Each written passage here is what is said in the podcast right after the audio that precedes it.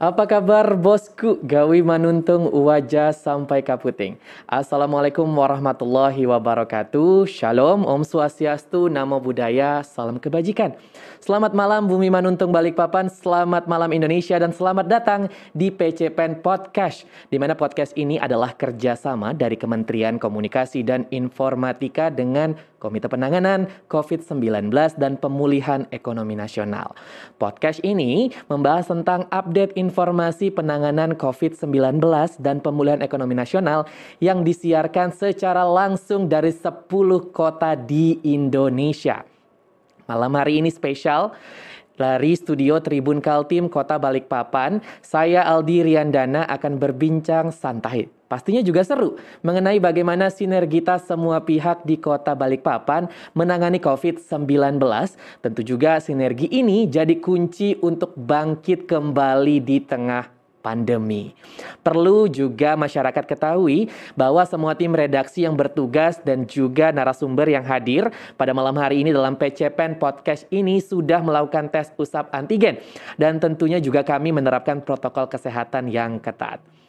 Nah, saya tidak sendirian malam hari ini. Kegantengan saya juga ada lagi yang menemani kegantengan saya gitu. Karena saya ditemani dua tamu spesial, ada yang ganteng dan juga ada yang cantik yang sudah hadir secara langsung siap berbincang bersama kita pada malam hari ini.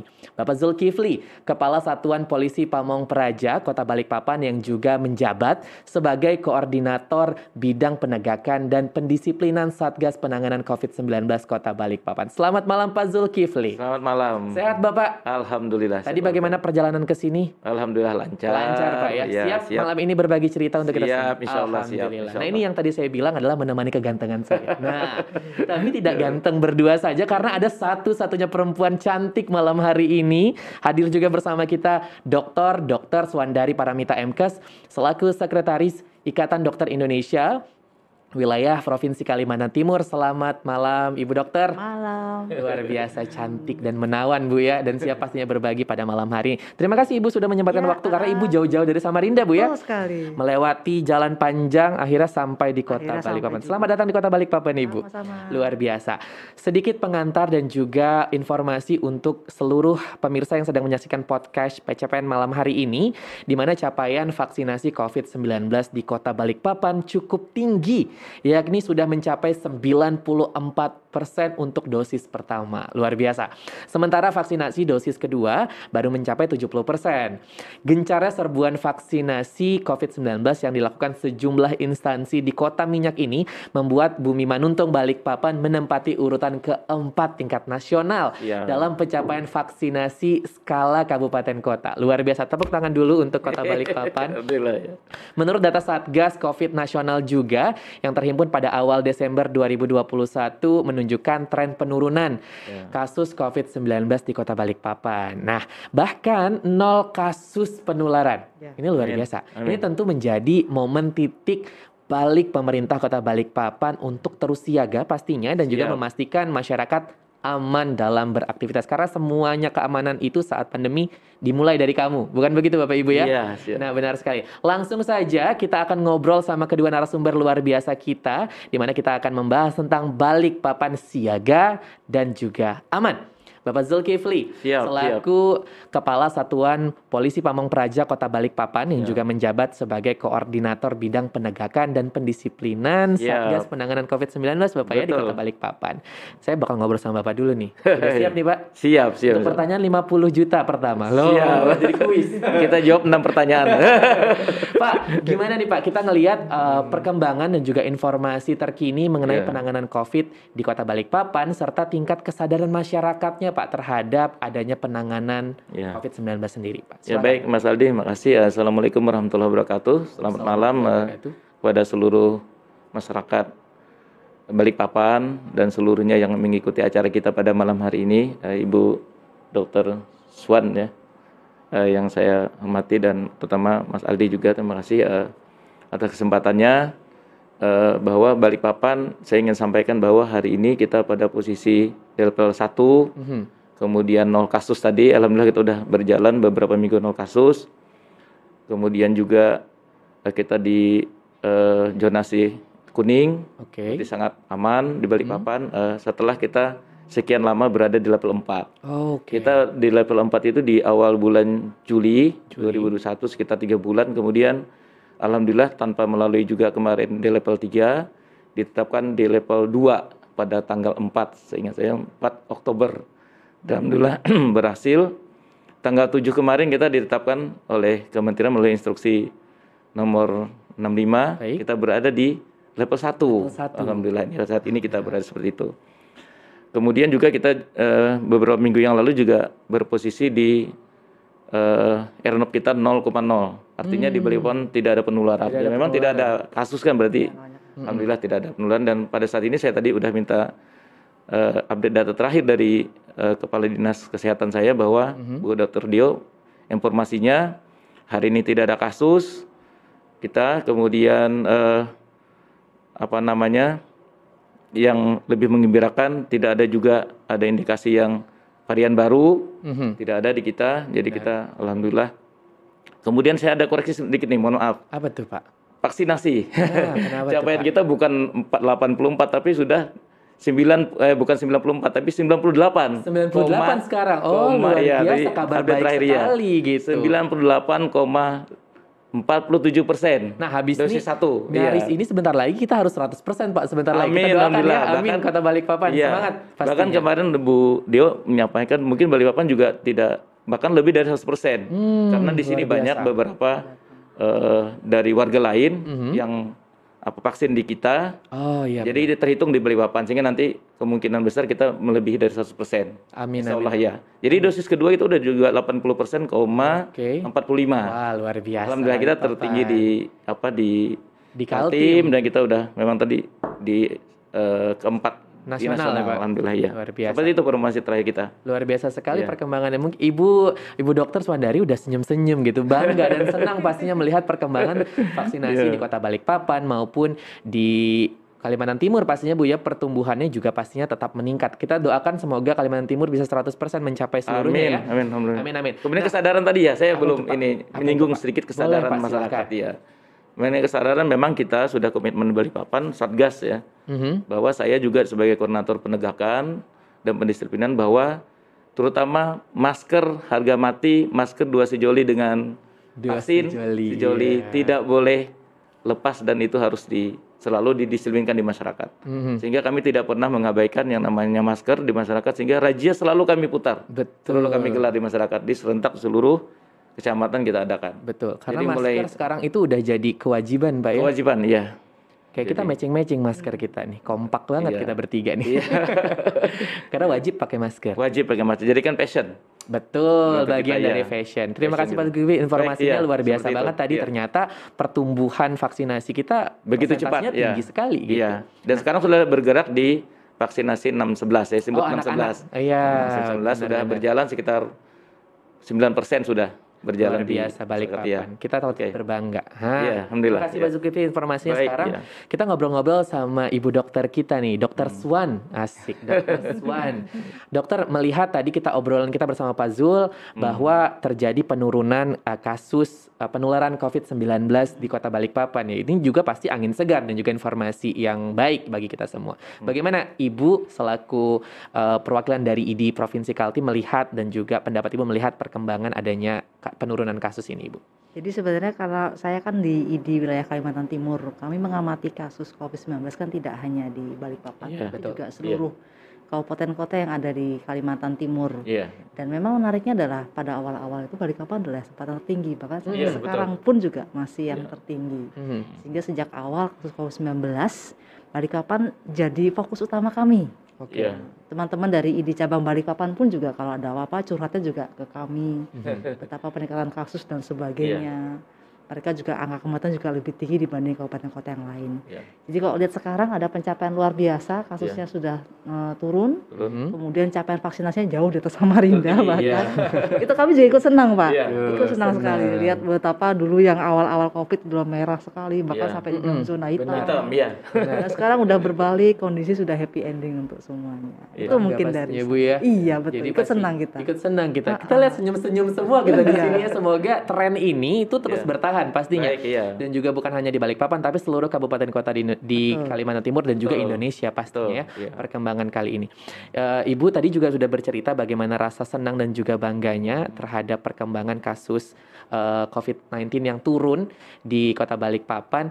Melihat penurunan-penurunan ini otomatis juga berlaku terhadap pola perilaku hidup dan juga eh, di mana masyarakat Kota Balikpapan mulai fokus berarti tentang kesehatannya yang ditunjukkan masyarakat otomatis terjadinya penurunan tadi gitu. Nah, Iya, iya. Ibu kalau melihat menel- menganalisis dari masyarakat Kota Balikpapan dengan tren hidup sehatnya dengan protokol kesehatannya tadi bagaimana Ibu melihat, Bu? Ya ini sebuah tren yang bagus ya bahwa tadi benar kata Pak Zulkifli yang penting adalah protokol kesehatan utamanya masker dan vaksin yang dijalankan. Mhm.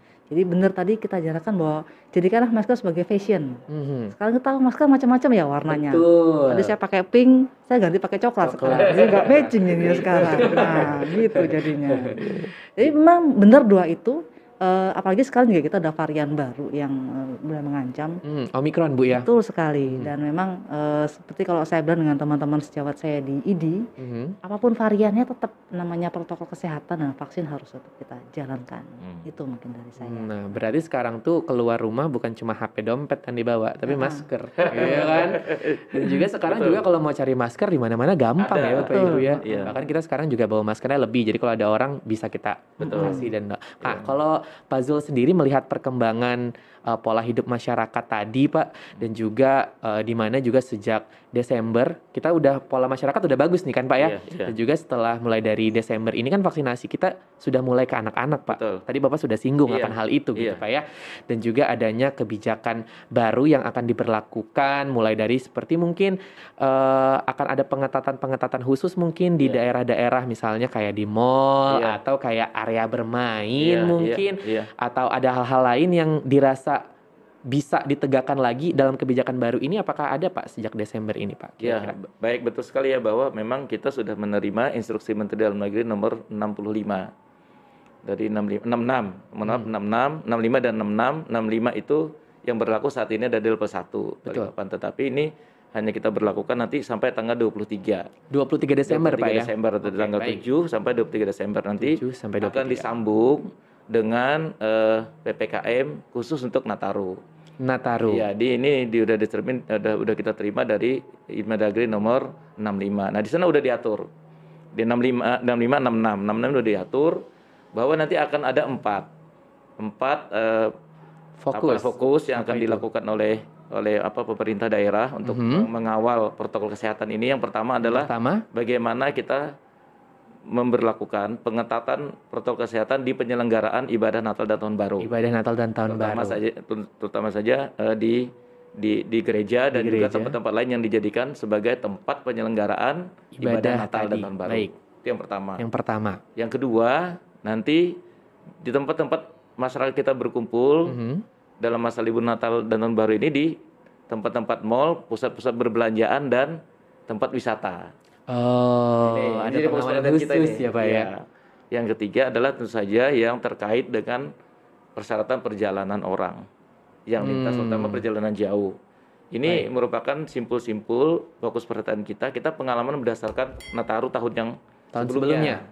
Bahwa inilah sebab-sebab eh, apa kasus itu meningkat di sini. Hmm. Nah, di eh, apa namanya tempat penyelenggaraan ibadah itu tentu saja tempat berkumpul karena memang masa ibadah dan misa Natal dan Tahun Baru. Betul. Nah, di sini untuk protokol kesehatan kita serahkan kepada Satgas yang ada di tempat Ibadah itu ibadah sendiri. sendiri. Baik. Jadi kita serahkan sana, jaga protokol kesehatannya, eh, terapkan, yang penting terapkan eh, aplikasi Peduli Lindungi. Oke, baik. Itu yang paling baik. penting. Itu Pak. Jadi nanti di sanalah kita menjaga bagaimana kapasitas itu bisa terjaga 75% maksimal. Oh, itu kapasitasnya 75%. Baik, Iya. baik 75%. Dan perlu kita garis bawahi tadi yang seperti Bapak sampaikan, kalau bisa kita cerna tidak ada larangan untuk beribadah Natal Tidak ya. ada, tidak nah, ada. ini ini penting banget Hanya nih, pengaturan. dokter ya, betul. Iya, hanya pengaturan, silakan terapkan aplikasi Peduli Lindungi, kemudian jaga kapasitas 75, kemudian protokol kesehatan yang lain diterapkan. Oke. Gitu. Kemudian juga eh, yang tidak kalah penting tempat wisata dan pusat-pusat perbelanjaan, Perbelanjaan. juga penerapan hal yang sama. Di sana juga kapasitas 75 dan wajib menerapkan aplikasi Peduli Lindungi. Karena dengan aplikasi Peduli Lindungi ini kita dua hal yang bisa kita pantau di sana. Pertama, jumlah pengunjung yang ada di dalam. Yang kedua adalah yang masuk tentu saja yang aman. Yang sudah dalam kategori hijau dan kuning maksimal. Itu yang bisa masuk mengakses fasilitas publik yang ini karena ini tempat berkumpul tentu saja harus kita uh, uh, berlakukan protokol kesehatan secara ketat. Oke, Bapak. Kemudian perjalanan orang, perjalanan orang juga sama. Hmm. Ada aturan khusus juga. Ah, apa tuh Pak? Di sini aturan khususnya adalah seluruh Indonesia diberlakukan uh, bahwa untuk melakukan bisa melakukan perjalanan jauh Mhm. itu harus dosis lengkap dosis kedua. Harus dua. Iya. Nah. Tetapi ada ada ada ada apa? Ada dispensasi untuk antigen boleh. Oh. Kalau dulu kan PCR kalau di Jawa ya, Jawa dan Betul. Bali sekarang Jawa Bali. dibolehkan untuk antigen yang diambil samplingnya satu kali 24 jam. satu kali 24 jam. Ya. Nah, bagaimana kita mengawal apa namanya pengaturan ini semua? Saya rincikan, boleh saya rincikan bahwa untuk di tempat ibadah kami kerjasama dengan Satgas Pengelola Gereja. Betul. Yang kedua untuk mall dan wisata kami akan melakukan posko secara terpadu dengan TNI Polri dan eh, apa aparat terkait lainnya. Jadi kita akan nanti lakukan posko memastikan bahwa peduli lindungi diberlakukan di sana. Di seluruh tempat Nah, tadi. apabila tempat wisata atau mall tidak memperlakukan itu maka terpaksa kita akan tutup sementara. Tutup. Kita akan tutup Ah, sementara. Ini yang penting ya. Tegas Pak ya. Tegas, ya. Tuh, tuh dengar tuh. Jadi harus tetap Ini demi juga. ya demi untuk menjaga tadi jangan sampai kita kembali ke tahun yang lalu. Nah, iya. Bahwa peningkatan menurut data kemarin kita rapat koordinasi di tingkat Kementerian Dalam Negeri bahwa pengalaman tahun yang lalu kita Nataru itu meningkat kasus 380 persen Penularannya. Hmm, penularannya. luar biasa. Jadi ini jangan sampai terulang lah. Jangan sampai terulang. Harus Nah, berhati-hati kita. betul. Nah, ngomong-ngomong tadi Dokter Swan juga sudah menyampaikan bahwa Iya. telah ada uh, varian baru Iya, mutasi dari ini, Nah, iya. kita apa ngomong-ngomongin namanya Omicron dan juga Kemenkes juga sudah mengungkapkan informasi tersebut terjadinya sudah ada satu penularan bahkan ada informasi yang terbaru sudah ada penularan lainnya Tambahan, penambahan iya. kasus gitu Iya, ya. Bapak dan juga Ibu. Nah, Bapak melihat perkembangan kasus ini Iya. pastinya sudah pasti Iya. menjadi perhatian khusus Iya, dari betul. Satgas dan juga Iya. Satpol PP dan juga Pak Zulkifli nih. Iya. Bagaimana Pak? Apakah ada strategi-strategi khusus Iya, betul. eh, menanggapi terjadinya varian ini di Kota Balikpapan? Iya, iya. Nah, kita memang tadi paket posko-posko ini tentu saja satu lagi yang belum saya sampaikan bahwa untuk kita pengetatan atau kita memastikan bahwa yang masuk dan keluar ini aman, Mhm. kita m- menggelar yang namanya checkpoint di perbatasan pintu masuk kota. Ada enam lokasi yang sudah kita tetapkan. Pertama adalah di bandara, yang kedua di eh, pelabuhan Semayang, tadi bandara Sepinggan ya kita ya. Kemudian ada juga di antar penyeberangan pulau ini ada dua, Ka- eh, Kampung Baru dan Peri Karyango. Kemudian yang darat kita darat ada dua akses yang lintas kota di Jalan Mula Warman dan juga Jalan Soekarno Hatta. Nanti situ akan ada posko checkpoint. Oke. Jadi kita melihat bagaimana yang masuk bisa aman maupun yang keluar harus aman. Betul. Amannya bagaimana? Harus memenuhi persyaratan yang dua tadi. Hmm, Kita tanya mau ke mana tujuan jal- perjalanan jalur eh, jauh wajib dosis 2 dan harus eh, ada membawa antigen. Tuh, betul. Ini baru aman nih kan? Aman Baik, kita pastikan. Mantap, Bapak. Kita memang di di dalam untuk memastikan untuk tadi varian baru ya Ibu Swan itu di dalam instruksi Mendagri memang fokusnya adalah gate yang internasional. Mhm. Itu Betul, yang yang betul, penekanannya. betul. Kalau Balikpapan ya kita antar kota kita lah antar kota. yang kita jaga yang sampai ini. Nah, tadi Pak Pak Zulkifli sudah bilang tujuannya harus jelas. Hmm. Karena kalau tujuan ke masa lalu tuh nggak jelas ya Pak ya. Jadi jangan harus jelas-jelas aja tujuannya. Bukan begitu Dokter Swan ya? Ya, betul sekali. Nah Dokter Swan kita tanya-tanya tadi kita udah ngomongin Omicron. Iya. Kita ingat banget waktu varian Delta Ya. terjadi pembeludakan yang luar biasa gitu. Iya. Apakah masyarakat ini harus panik dengan rasa yang sama saat varian Omicron ini mulai ada kasusnya dan penularan terjadi? Kira-kira kar- karakteristik yang dari Omicron ini apakah mirip seperti Delta atau ada penanganan-penanganan khususkah mulai dari gejala mungkin atau penanganan kita menghindari hal-hal seperti apa agar mungkin kasus-kasus pembeludakan dari Omicron ini tidak sama seperti Delta yang sudah terjadi pada periode sebelumnya Hmm. Juli lalu. Oke, terima kasih. Eh, varian Omicron ini sebenarnya kan juga baru. Mhm, Jadi kami Hmm. juga masih memantau bagaimana bagaimananya. Betul. Tapi memang ada beberapa fakta seperti misalnya gejala lebih ringan tapi menular lebih cepat dan sebagainya. Hmm. Walaupun dibilang ringan tapi kita juga mendengar ada beberapa kasus kematian akibat Omicron di luar negeri. Betul. Jadi memang tidak rasanya kita juga bersiap untuk banyak hal karena kita tidak akan pernah tahu. Seperti tepat setahun yang lalu itu Betul. kan Delta juga dimulai varian Delta. Kita tidak pernah menyangka pada saat varian Delta dimulai Hmm. di setahun yang lalu ternyata jadi gelombang kedua Hmm. di Indonesia. Dan kita ngerasakan sendiri di Samarinda Balikpapan itu betapa kami eh, nakes benar-benar kelimpungan, Betul, betul, rumah sakit betul, penuh, betul. Iya. eh, oksigen, juga, betul mencekam itu sekali ya. mencekam. Iya. Mm-mm. Kerasa banget waktu itu Bu ya. Betul.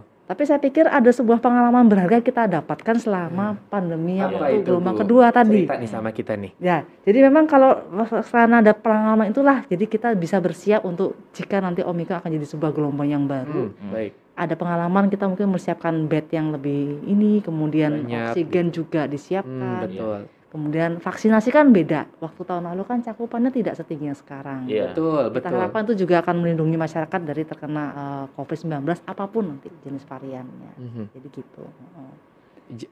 Bu, kita ngomongin tadi perkembangan Omicron dan juga Delta adalah bentuk mutasi dari Iya, virus itu ah-ah. sendiri gitu. Nah, kita udah vaksin kan sebelum ada Delta dan juga ada Omicron ya, Bu ya. Ah, Apakah vaksinasi yang sudah kita gencarkan Iya. di seluruh kabupaten kota di Indonesia ini apakah masih ampuh nih, Bu, menerima adanya mutasi-mutasi seperti Omicron ini, Bu? Ya, jadi kalau boleh cerita tadi sudah cerita juga ya masalah varian eh, Omicron ini. Mhm. Mendeteksi varian tuh tidak mudah. Beda kalau kita mendeteksi eh, virus dengan hasil PCR. Betul. Tadi saya Iya. menganalogikan seperti orang yang memakai kalung manik-manik. Nah, Oke, baik, baik, baik. Jadi kalau PCR itu sebatas kita mengetahui orang ini pakai kalung apa tidak. Iya. iya. Oh, Manik-manik. siap. Nah, Tapi begitu kita mau tahu apakah ini kalungnya tuh Omicron apa tidak, itu ada namanya sequencing.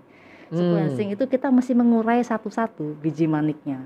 Oh, Jadi baik. kalau misalnya varian yang eh, COVID yang normal itu adalah varian adalah merah kuning hijau. Oke. Sementara kalau dia jadi Omicron ada mutasi, Mhm. tapi dia berubah jadi Oke. kuning kuning kuning misalnya. Oh, contohnya, Bu ya? Ya. Oke, baik. Sehingga itu kalau dibilang PCR biasa tidak bisa mendeteksi ya benar juga. Karena PCR hanya bisa mendeteksi oh orang ini pakai kalung manik-manik. Hmm. gitu. Hmm, Untuk mengetahui baik. manik-manik yang isinya kuning-kuning-kuning yaitu di Omicron atau dia memang merah kuning hijau seperti yang COVID biasa, Hmm. tahapan itu ada pemeriksaan lanjutan yang namanya sequencing dan itu Sequencing. tidak bisa dikerjakan di lab PCR biasa.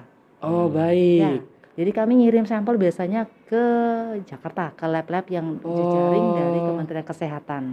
Berarti kita di Kaltim belum punya gitu tekniknya atau Belum, memang mm. memang bel- belum punya berarti Bu ya? Selama ini kami pakai sistem sampling, artinya dari sekian Iya. eh, ribu sampel PCR yang kita periksa, Iya. itu ada sebagian kita kirim ke Kementerian Kesehatan untuk dicek ada tidak dia menjadi Hmm. varian. Itu sudah kami kerjakan dulu sejak zamannya Delta. Hmm. Dan Delta pun di Kalimantan Timur juga pernah ketahuan di beberapa kasus dan juga di tracing dan sebagainya akhirnya juga eh, baik-baik juga. Dan perlu diketahui juga untuk varian Omicron yang sekarang sudah diketahui oleh salah seorang pekerja kebersihan Oh iya Iya. betul di Wisma Atlet ya Bu ya? Jakarta. Mm-mm. Itu sekarang posisi pasiennya juga sudah konfirmasi negatif Oh, alhamdulillah. dia eh, gejalanya juga eh, ringan dan Ringan. sebagainya. Saya duga itu mungkin juga karena sudah vaksinasi. Nah, itu tadi. dan Berarti sebagainya. vaksin masih ampuh Bu ya? betul. Berarti vaksin masih ampuh eh, dan juga bentuk salah satu eh, bentuk kita tetap menaati protokol kesehatan pastinya. Betul Bukan sekali. begitu Bu ya? Ya, masalah pakai masker ini cukup menarik. Jadi kalau kita lihat di beberapa negara yang sekarang kasusnya cukup Iya, tinggi betul, iya. masalah eh, pa- COVID-19, itu protokol kesehatannya seperti jadi agak kendor ya, kita Mhm, lihat. mhm. Itu padahal negara-negara Eropa Iya. yang harusnya mungkin lebih disiplin. Betul. Dan kita warga Indonesia yang katanya agak bandel-bandel, tapi ternyata rajin Iya. pakai iya, masker. betul. Iya Bu ya. Jadi kita biasa. tuh salut dengan warga Indonesia yang Salut. walaupun gini-gini, sekarang udah terbiasa pakai masker. Betul. Jadi ke mana-mana, walaupun kita tahu di masyarakat mungkin ada yang masih suka lepas dan sebagainya. Betul. Betul. Tapi bagi yang muda-muda seperti yang nonton sekarang ini, Mhm. masker sudah jadi bagian dari gaya hidup. Ah, betul. Masker adalah bagian dari gaya Betul. hidup. Kalau kalau nggak pakai masker tuh nggak keren. Betul. Apalagi kalau mas maskernya matching dengan bajunya. Betul ya. Kan, kayak ini kan, Betul. coklat-coklat. Ah, Ah. malam mingguan nggak apa-apa nggak sama pacar, tapi harus sama masker. Betul Ah, sekali. Ya. Ini malam Senin ini. Nah, Pak Pak Zulkifli, kita ya. sekarang ngomongin sama Pak Zulkifli nih. Iya. Pak Zulkifli sekarang kan tadi kita udah marak, eh, kita udah bahas bagaimana presentase vaksinasi kita tinggi Iya, sekali di Kota iya. Balikpapan gitu. Dan tadi Bapak juga sudah menyinggung tentang anak-anak yang sudah mulai Betul. divaksin usia Iya. enam tahun ya, mulai Iya. dari enam tahun sampai 11 tahun Iya. udah mulai vaksinasi juga mempercepat terjadinya pelajaran tatap muka sepertinya. Iya. Nah, kalau di perkembangan di Balikpapan vaksinasi khusus anak-anak ini seperti apa nih Pak Zul? Ya, jadi eh, kita sudah mulai minggu yang lalu kalau tidak salah itu udah dijadwal kita sasaran kita kurang lebih 81.400-an. Mm-mm. Itu seluruh anak sekolah kita. Itu data dari Capil. Nah, dari mereka ini sebagian memang sudah eh, apa datanya sudah di ada di Dinas Kesehatan kita, eh Dinas Kependidikan. Jadi kita melakukan sentral seperti dewasa juga yang kita Baik. gelar di Balikpapan di di DOM. Di DOM. Di DOM itu hampir setiap hari kita untuk anak-anak Oh, baik. kita baik. lakukan itu apa kerjasama dengan sekolah-sekolah Eh, kemudian nanti akan ada di jadwal di apa bisa sekolah bisa di tempat lain seperti misalnya kita akan wacanakan juga mempercepatnya seperti misalnya anak-anak keluarga besar Pemda kan banyak nih anak-anak juga jadi kita siapkan juga misalnya nanti di balai kota kita lakukan juga hal yang sama Betul. nanti di tempat-tempat lain juga nah ini juga sangat antusias sekali masyarakat hanya beberapa hari ini sudah mencapai 9% kalau tidak salah tadi update. 9%. Iya, dari Luar 81 biasa. ribu itu ini alhamdulillah. An- eh, usia 6 sampai 12 tahun. 12 tahun. Ini ya. Jadi dan alhamdulillah kita selama masa penyelenggaraan uji coba ya, ta- anggaplah uji coba yang kita tatap muka yang Mhm. Betul. walaupun sangat terbatas, tatap mukanya ini kita tidak menemukan adanya klaster. Oke. Kita bersyukur sekali alhamdulillah ya. Apalagi nanti ditambah dengan adanya vaksin di usia 6-11 ini saya nyebut 6-11, 6 sampai 11. Insya Allah lah jadi untuk mempercepat tadi tatap muka mudah-mudahan bisa 100% Iya. berjalan ya. Karena memang kita merasakan sekali memang keluhan orang tua bahwa sangat tidak efektif sekali memang anak-anak ini sekolah secara daring secara penuh. Itu terutama yang SD, apalagi TK saya juga pengalaman anak saya TK itu nggak bisa bu. Hmm. Jadi aku jadi banyak mainnya daripada belajarnya. Agak susah Pak anak-anak zaman Iya. sekarang Pak ya. Yang kedua lagi juga orang tua ternyata susah jadi guru. Jadi banyak marahnya juga Oh, daripada curhat, iya. Pengalaman Jadi- semua Pak ya. Jadi memang harus diserahkan ke ahlinya memang Betul, ya kan. betul, Pendidikan betul. ada gurunya itu eh, ibu dan bapak membackup Betul. dan sebagainya. Tapi kalau jadi guru nggak bisa. Betul, betul, betul, betul. ini yang perlu kita anu, apa syukuri dengan adanya pergerakan ke 611 ini kita berharap nanti di awal tahun kita bisa melakukan pendidikan dengan secara baik lagi. Karena kita juga menemukan juga ada masih orang tua yang masih ragu-ragu untuk Vaksin. mengizinkan anaknya. bukan mengizinkan anaknya Iya, untuk mengizinkan melakukan anaknya belajar ya. secara offline pada saat ini. Oh, nah, mudah-mudahan dengan betul. vaksin ini nanti kita bisa sudah menghilangkan keraguan orang tua. Betul. Karena masih ada tuh orang tua yang tidak mengizinkan. Luar biasa. Iya, Halo karena- orang tua. Iya. saya dapat cerita dari anak saya sendiri. Oh, Pak, begitu. Teman saya ada yang nggak offline dia. Kenapa saya bilang nggak dapat izin orang tua? Nggak diizinin. Memang kan harus syaratnya kan udah izin orang tua. Betul, betul. Sekarang syaratnya Iya. izin orang tua ya, betul. Iya, jadi mudah-mudahan nanti dengan vaksin ini kita bisa meyakinkan orang tua ini aman lah Ya, Betul. betul. untuk anak sekolah kita. Pak, ngomongin tadi vaksinasi anak-anak 6-11, itu target dari pemerintah eh, Kota Balikpapan ini Hmm. dalam perampungan vaksinasi khusus anak-anak ini Iya. seperti apa sih Pak targetnya? Ya kita secepat mungkin. Jadi ini kan pas mau nanti menjelang ajaran baru ya minimal nanti kita targetnya kita dorong ke sana dinas kesehatan untuk bisa mempercepat ini sehingga ta- tahun ajaran baru kita udah pastinya bisa 100% Sudah siap gitu Pak? sehingga bisa bisa siap. Jadi orang tua yang ragu tadi sudah bisa meyakin nih anak udah aman. Kemudian juga kita berharap jangan ada terjadi klaster. Jadi kuncinya adalah tadi disiplin protokol kesehatan. Jadi anak-anak kita harus dididik sedemikian rupa, guru-guru harus betul-betul bertanggung jawab, anak apa orang tua harus bertanggung jawab untuk mendisiplinkan protokol kesehatan saat saat berada di sekolah. Jadi di sekolah juga saya juga bangga juga saat ini seperti anak saya itu sekolah biasanya kan makan di disiapkan di sekolah. Sekarang Bu tidak tidak disiapkan jadi harus bawa bekal sendiri. Oh, bekal sendiri. Bekal sendiri itu. Sama Sudah lagi ada tuh, beda, ya iya. kan? Bapak juga dikasih bekal nggak nih sama istri? sendiri. Mau juga bapaknya ini, gitu. Iya, ini salah satu pen- penerapan protokol kesehatan. Betul, betul, betul, betul. Iya. Kita sama-sama ikhtiar lah Pak ya. Sama-sama, iya. Nah, tadi udah diomongin tentang uh, target PTM di Kota Balikpapan. Ibu, eh, Dokter Swan melihat perkembangan vaksinasi khusus anak-anak nggak cuma di Kota Balikpapan, tapi di beberapa kota dan juga kabupaten di Kaltim juga sudah mulai vaksinasi ya Bu ya. Kebetulan baru balik kapan sama Baru Balikpapan, oh, baru Balikpapan Sama. Bontang nih. Iya. Nah, Ibu ngelihat Jadi gini. betul gimana Pak? Saya ingin nyala sedikit bahwa eh, memang ini ada kemarin program kick off dari pemerintah pusat. Dari pemerintah pusat. Jadi di Balikpapan itu hanya dua kabupaten kota yang ditunjuk Oh, di pusat Kalimantan yang boleh Timur. yang boleh memulai, Memulai. 16. Wah, 16. Kami dengan Bontang. kami Karena oh, di, luar di- biasa. ada syarat yang pertama adalah vaksin tadi. Betul. Oh, Iya. sebaran vaksinnya Iya. juga ya untuk Kita yang harus- usia-usia iya. tadi sudah merata. Iya. Nah, Tidak boleh. Jadi betul. harus ada. Kemudian juga yang kedua syaratnya anak-anak yang divaksin harus dipastikan minimal dua minggu sudah apa namanya diberikan namanya vaksin anak sekolah. Kan ada bias kan Bulan- program Oh, bias. kumpulan vaksin Bulan, anak-anak iya. ya. Bulan imunisasi vaksinasi, anak bulan sekolah. imunisasi vaksin. Oh iya benar Iya. benar benar benar. Ingat Ada. banget waktu kita waktu kecil ya. Iya. Nah. ini hanya kita yang diberikan apa namanya Kesempatan. dengan bontang ya. Nah, pertama untuk melakukan. Betul. Balikpapan dan Bontang ternyata mendapat Iya. kesempatan untuk kick off di Kalimantan Timur. Iya. Kalau ibu ibu dokter melihat eh, ini sebagai seorang eh, tenaga medis, sebagai juga orang tua dan juga perwakilan dari Ikatan Dokter Indonesia, seberapa optimis dan juga melihat perkembangan ini eh, PTM bisa segera berlangsung di Provinsi Kaltim dan juga mungkin nanti nggak cuma dua kabupaten kota ini yang Iya. dapat, tapi kabupaten kota lainnya. Ya, Gimana? Bu? kami juga menunggu agar seluruh kabupaten kota di Kaltim itu juga mendapat untuk vaksinasi usia 6 sampai 11 tahun. Benar. Ya, untuk masalah eh, PTM ini kita harapkan memang akan segera. Karena Betul. masa tidak hanya di PAUD, di Iya. SD, SMP, Betul. SMA.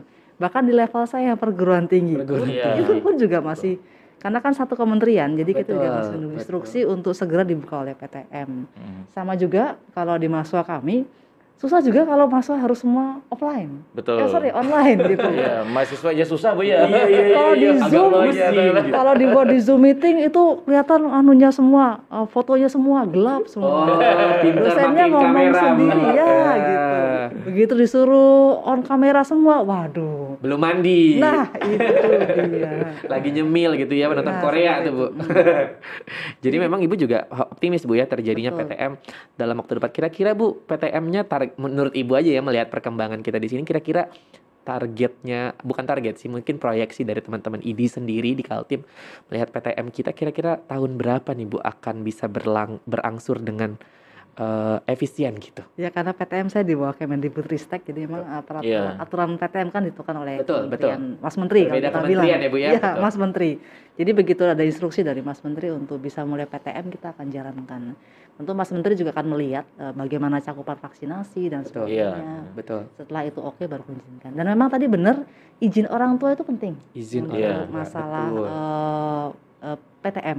Karena mungkin ada juga bukannya masalah vaksin, tapi mungkin orang tuanya khawatir anaknya mungkin punya komorbid.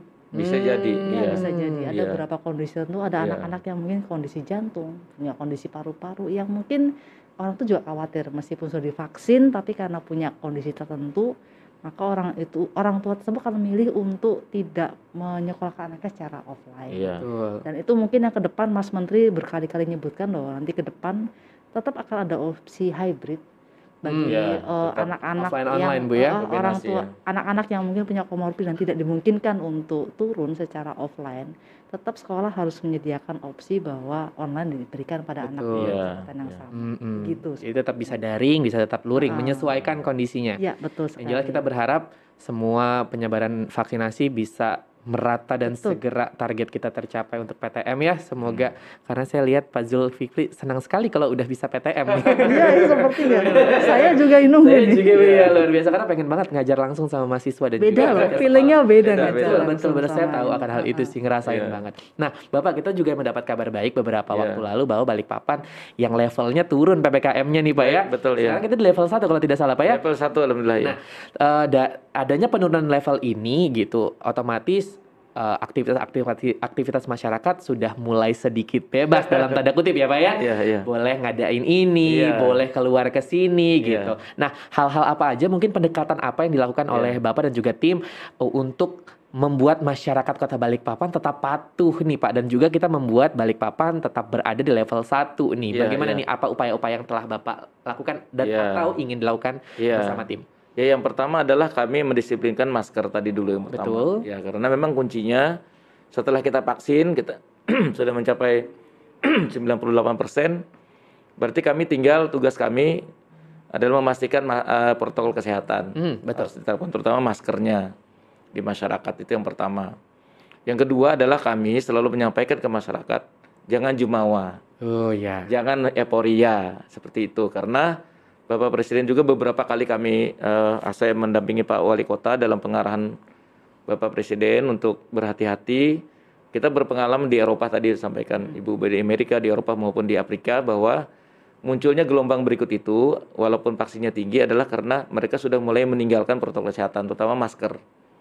Kita lihat memang di TV-TV di kalau kita ikuti mereka memang setelah masker eh, apa vaksin 50% ke atas sudah mulai melepas masker. Yang kedua, Mhm. relaksasi mereka terhadap kegiatan masyarakat berkumpul itu langsung dilepas, Oh. tidak bertahap. Itu yang disampaikan Bapak Presiden sehingga kami di Balikpapan betul-betul memang memberikan ini eh, me- apa mengingatkan masyarakat seperti misalnya pada waktu kami kemarin dari level 4 ke level 2 kita Pak Wali Kota memberi surat terbuka kepada seluruh warganya Hmm. mengingatkan jangan euforia dan jangan jumawa dan harus ingat protokol kesehatan. Sabar gitu loh, Iya. gitu ya Pak ya. Sabar yang gitu. ke- iya, yang kedua jangan ya euforia tadi sehingga kita bertahap. Saya memang selalu diwanti-wanti itu oleh kepala dinas kesehatan Pak Zul ini RO-nya memang 0,0. Hmm. Tapi jangan terlalu suka ya, jangan diberikan semua ke masyarakat. Ini tidak ada penularan bebas nggak boleh. Hmm. Tetap kita mengikuti instruksi yang ada, PPKM yang ada bahwa misalnya harus 50% ya kita upayakan 50%.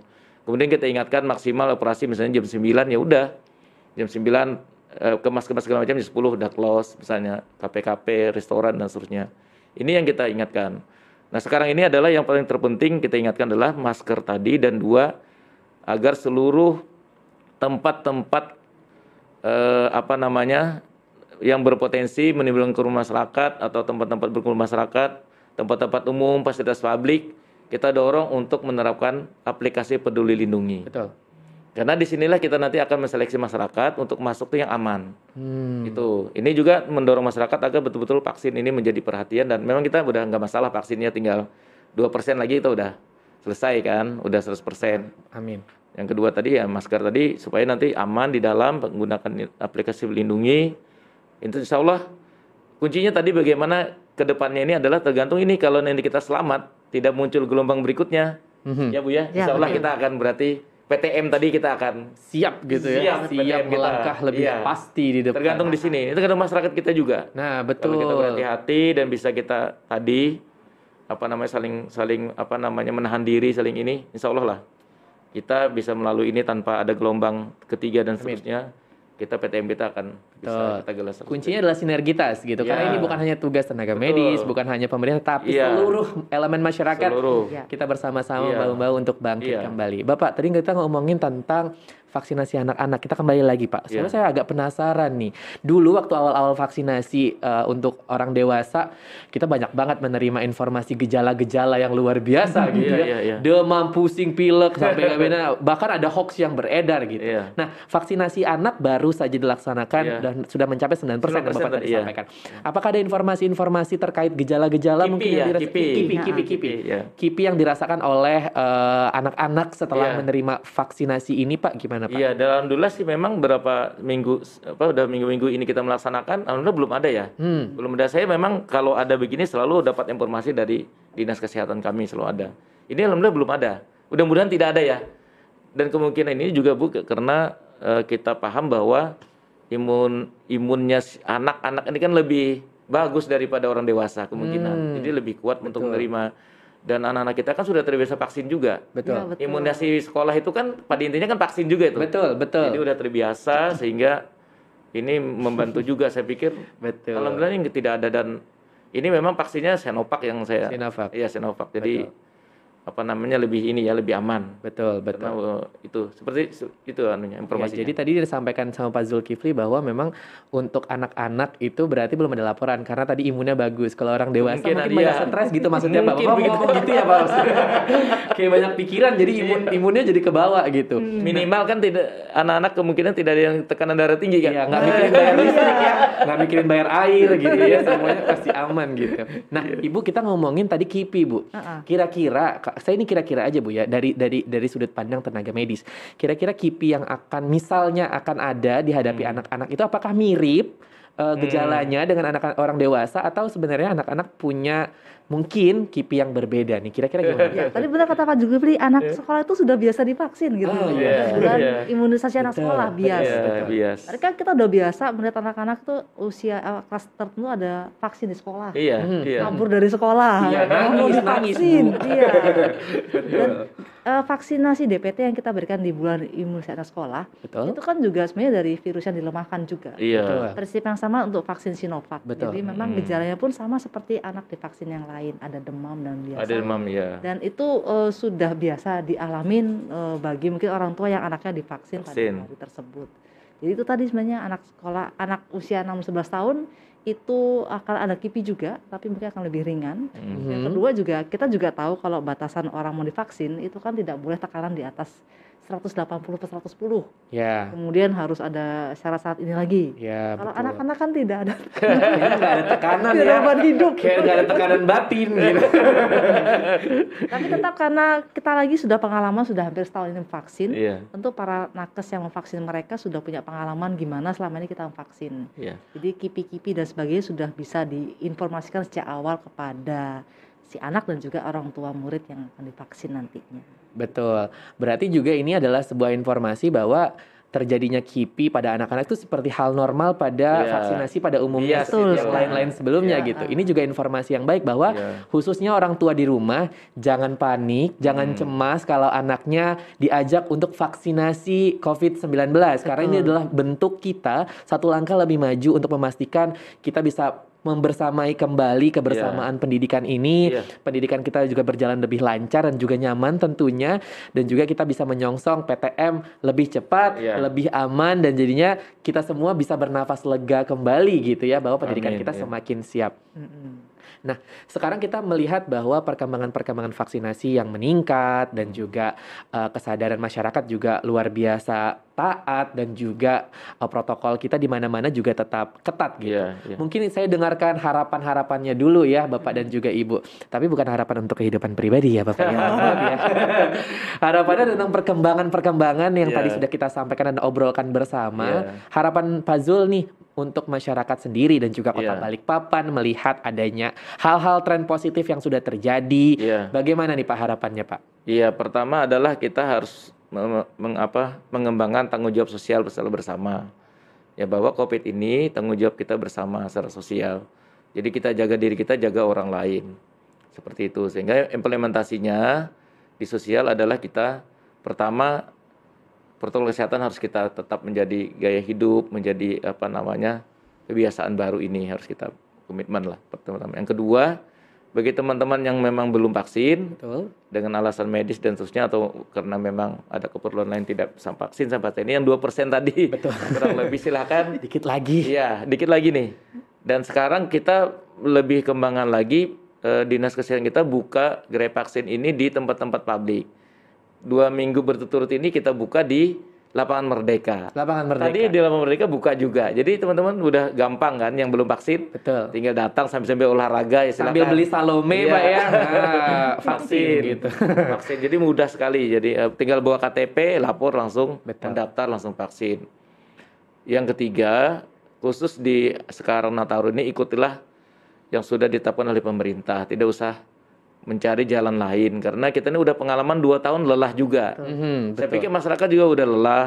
Kalau kita nanti kembali lagi terjadi jangan sampai terjadi Jangan lah. Ke gelombang amin. kedua kita lelah nanti mengembalikan lagi.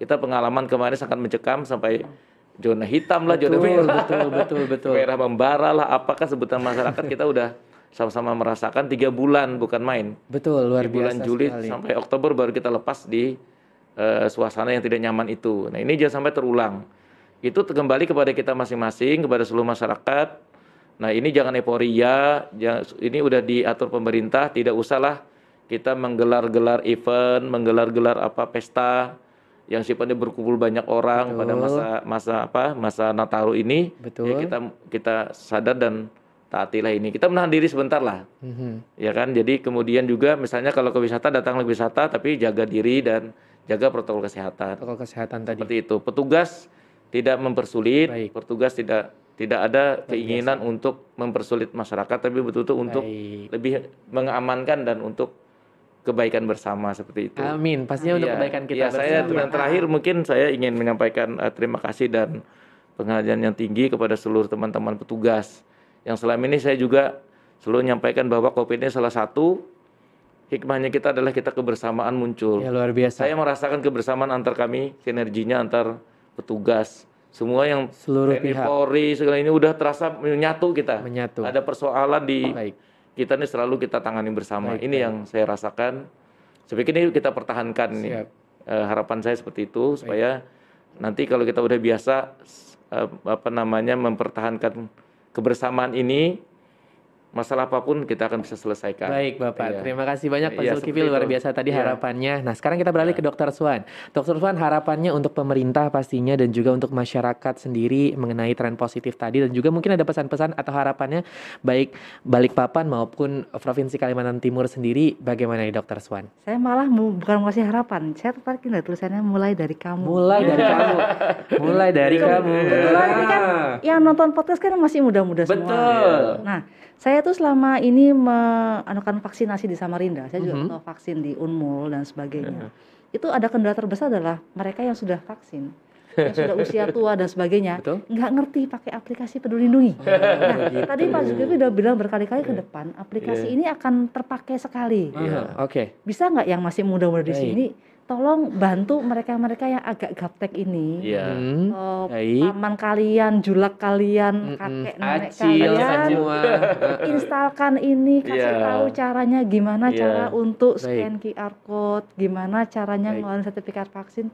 Dan mudah kan mudah sebenarnya ya. Betul, Betul. heeh. Anda-anda semua yang di rumah ini yang muda-muda ngerti Iya, masalah betul. gitu. Tapi mereka-mereka yang udah udah agak usia begini, agak gaptek, nggak biasa pegang HP dan sebagainya, Betul. itu perlu dibantu mereka. Hmm. Betul. Jadi kalau kalau bilang pesan saya kalau mulai dari kamunya bisa nggak kalian tolong Baik. keluarga kalian, tetangga kalian Iya. yang tidak terbiasa pakai aplikasi peduli tolong diinstalkan, dikasih tahu gimana cara Baik. ngeluarin sertifikat, gimana cara scan QR code dan sebagainya. Mhm. Insya Allah akan jadi kebermanfaatan Iya, banyak bagi iya. Baik, baik. sekitar. Luar biasa Itu harapan. mungkin pesan dari saya. Terima kasih banyak Dokter Swan dan juga Pak Zul tadi harapannya luar biasa Iya. pastinya untuk masyarakat Kota Balikpapan khususnya dan juga pada umumnya Iya.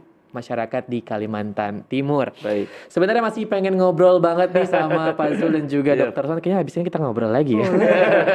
Tapi sayang sekali waktu membatasi perjumpaan kita pada malam hari yang luar biasa hari ini. Tapi terima kasih banyak sekali lagi Bapak Zul dan juga Dokter Swan karena sudah berkenan hadir dan berbagi cerita untuk masyarakat Kota Balikpapan yang Baik, menyaksikan ya. dan juga masyarakat di seluruh Indonesia yang mungkin Baik. menyaksikan podcast kita pada malam hari ini. Semoga Bapak dan juga Ibu tetap dalam keadaan sehat Ya. dan juga segala aktivitasnya dilancarkan. Pandemi sudah hampir dua tahun kita hadapi bersama-sama kita bisa melewatinya.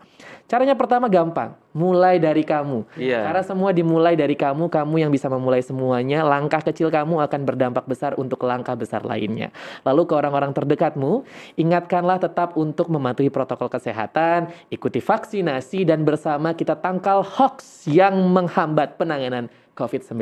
Ya. Kesehatan pulih, ekonomi bangkit. Saya Aldi Riandana dan seluruh kerabat kerja pamit undur diri dari PCPN Podcast malam hari ini. Besok berjumpa lagi di waktu yang sama dan masih live dari studio Tribun Kaltim. Sampai jumpa, terima kasih. Gawi Manuntung, wajah sampai kaputing. Ya.